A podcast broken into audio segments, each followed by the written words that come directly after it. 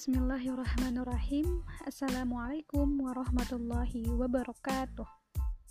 Ya, Alhamdulillah um, kita dipertemukan kembali ya teman-teman. Walaupun dalam keadaan yang uh, berbeda gitu Kita hanya bisa bertemu via suara. Uh, Semoga uh, apa-apa yang aku sampaikan di podcast ini uh, dapat bermanfaat dan benar-benar tersampaikan tersalurkan menjadi sebuah energi dan menjadi amal jariah. Amin ya rabbal alamin.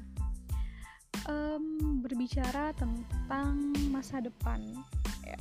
Kalau misalkan kita ditanya kamu mau jadi apa ayo apa jawabannya? Um, berbicara soal masa depan berarti kita berbicara tentang diri sendiri. Oleh karena itu sampai kapan pun uh, kita nggak akan bisa berhenti belajar memahami diri sendiri serta mengenal jati diri. Nah, hal yang membedakan seseorang yang terus berkembang atau stuck pada kehidupan yang terkesan gitu-gitu aja adalah rasa haus untuk mencoba dan selalu ingin belajar untuk memperoleh pengalaman baru. Nah, terus tanyalah pada diri sendiri, nah siapa sih sebenarnya aku ini? Nah, segala bentuk tindakan pasti didasari oleh faktor gairah untuk menciptakan perubahan dalam hidup dan tindakan itu tidak ada unsur paksaan dalam diri. Ikuti kata hati. Berpikir berbeda atau lebih kreatif jarang ditemukan pada kebanyakan orang yang memiliki keberanian untuk secara penuh mengikuti kata hati sendiri.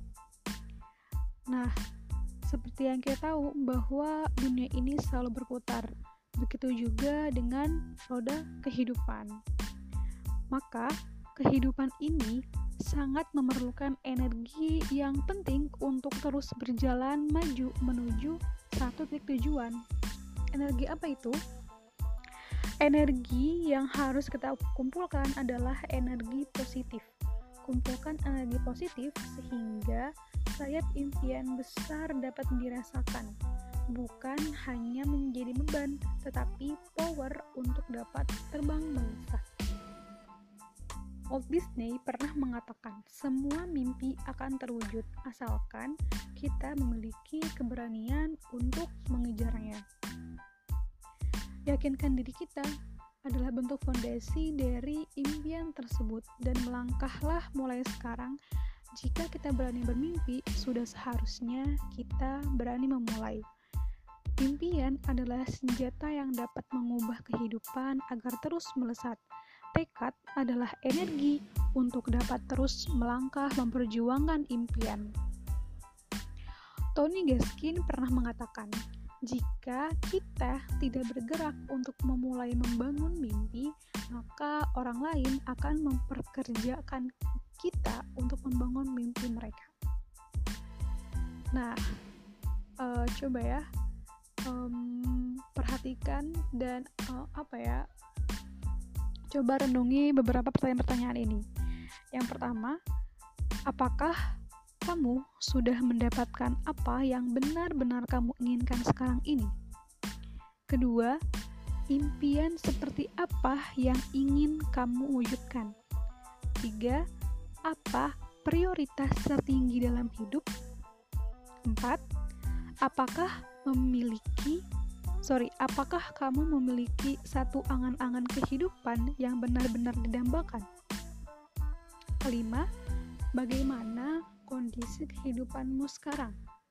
Keenam, apakah kamu mengalami suatu masalah yang berat dalam hidup? Yang terakhir, apakah kamu sudah mencapai target satu persatu dari tujuan hidup? Nah, gimana? Bisa nggak kira-kira menjawab pertanyaan-pertanyaan tadi? Masih bingung? Oke, kalau masih bingung, selamat. Selamat, kita masih di, uh, terbelenggu dalam kebingungan. nah, belum juga kita menemukan passion, Uli tanya soal impian, Nah, kalau kata motivator-motivator, do what you love. Buat kita yang sedang mencari jati diri, hati-hati dengan istilah do what you love. Kenapa? Karena tidak semua yang kita cintai itu pantas untuk diperjuangkan. Nah, kalau misalkan teman-teman udah pernah baca buku Seni Tinggal di Bumi karya Teh Farah Konita, mungkin udah pernah uh, baca ya dan udah pernah memahami tentang passion ini. Nah, tentu kita sudah menemukan banyak hal yang kita suka. Terus, yang mana yang mau kita pilih? Sederhana, pilih passion yang mendekatkan diri kita kepada Allah. Contoh nih ya, siapa sih yang suka dengan kemiskinan Ummul Mukminin Zainab binti Jahsy adalah seorang pekerja keras, menyamak kulit dan menjahitnya menjadi alat-alat tertentu. Hasil karya tangannya dijual ke pasar dan disedekahkan di jalan Allah.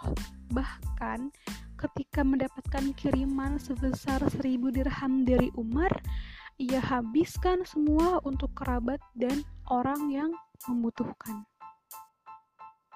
Siapa sih orang yang suka perang? Mus'ab bin Umair meninggalkan kekayaannya, meninggalkan kesenangan masa mudanya untuk ikut hijrah bersama Rasulullah dan ikut perang bersama Rasulullah sehingga pada akhir kehidupan ya tidak ada satu helai pun kain yang dapat menutupi jasadnya. Siapa sih yang suka hidup dalam tekanan, dicaci maki, ditimpuk batu, diguyur kotoran, diludahi, diperangi, diburu, diboikot? Tapi Nabi Muhammad begitu passionate-nya berdakwah. Ummati, ummati. Begitu lirihnya di detik terakhir kasih Allah ini menutup mata. Nah, Tefara Konita menulis dalam bukunya apa pun itu, sebahagia apa pun kita menjalankannya, sejago apa pun kita menekuninya, kalau pada akhirnya hanya akan menjauhkan diri dari Allah, tinggalkanlah. Tapi, kalau misalkan semua yang kita lakukan justru mendekatkan diri kepada Allah, perjuangkanlah lakukanlah dan cintai pekerjaan dalam-dalam. Nanti kan kau temui berjuta hikmah indah yang mengharukan. Nah, teman-teman, apakah masih kurang Allah sebagai alasan bergerak? Belum cukupkah surga menjadi impian terbesar dalam hidup? Nah, jadi uh, seperti podcast pertama yang udah aku jelasin, uh, bahwa Muhammad Al-Fatih adalah inspirator terbes inspirator terbesar dalam hidup.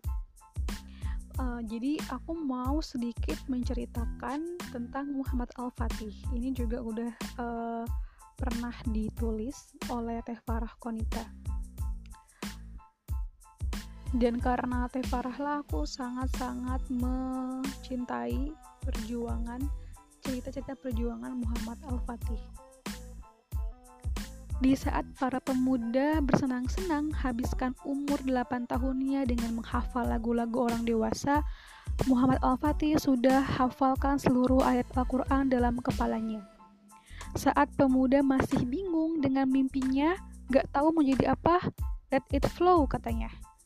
Muhammad Al-Fatih sudah bertekad sejak kecil bilang ke ayahnya, Ayah, aku ingin membebaskan Konstantinopel. Masya Allah.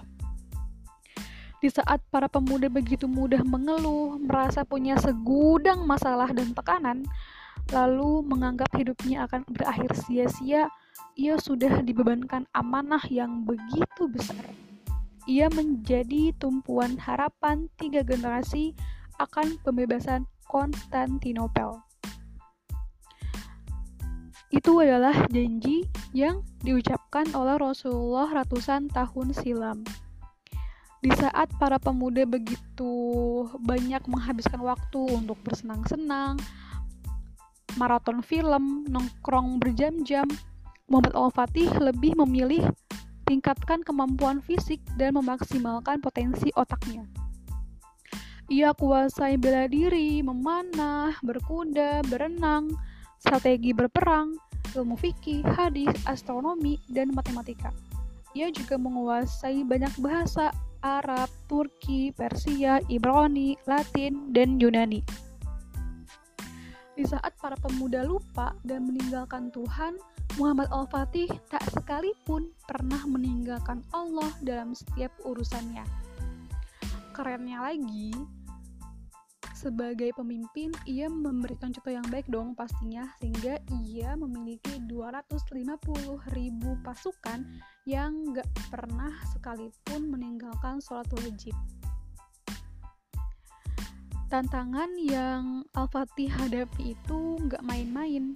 Ia menghadapi benteng Bizantium yang tak mampu ditembus selama 11 abad. Nah, jadi itu kerennya Muhammad Al-Fatih dengan uh, ketika Muhammad Al-Fatih memiliki impian yaitu membebaskan Konstantinopel, ia mengasah dirinya, memantaskan dirinya sebagai panglima perang yang mampu membebaskan Konstantinopel. Nah, terakhir ada hadis riwayat Trimizi kaki anak Adam tidaklah bergeser pada hari kiamat dari sisi robnya hingga ditanya tentang lima hal. Tentang umurnya untuk apa dihabiskan, tentang masa mudanya untuk apa dipergunakan, tentang hartanya dari mana ia peroleh dan ke mana ia infakkan, dan apa yang telah ia lakukan dengan ilmunya. Semoga dapat banyak pelajaran dari podcast kali ini. Mohon maaf apabila terdapat kekurangan. Wassalamualaikum warahmatullahi wabarakatuh.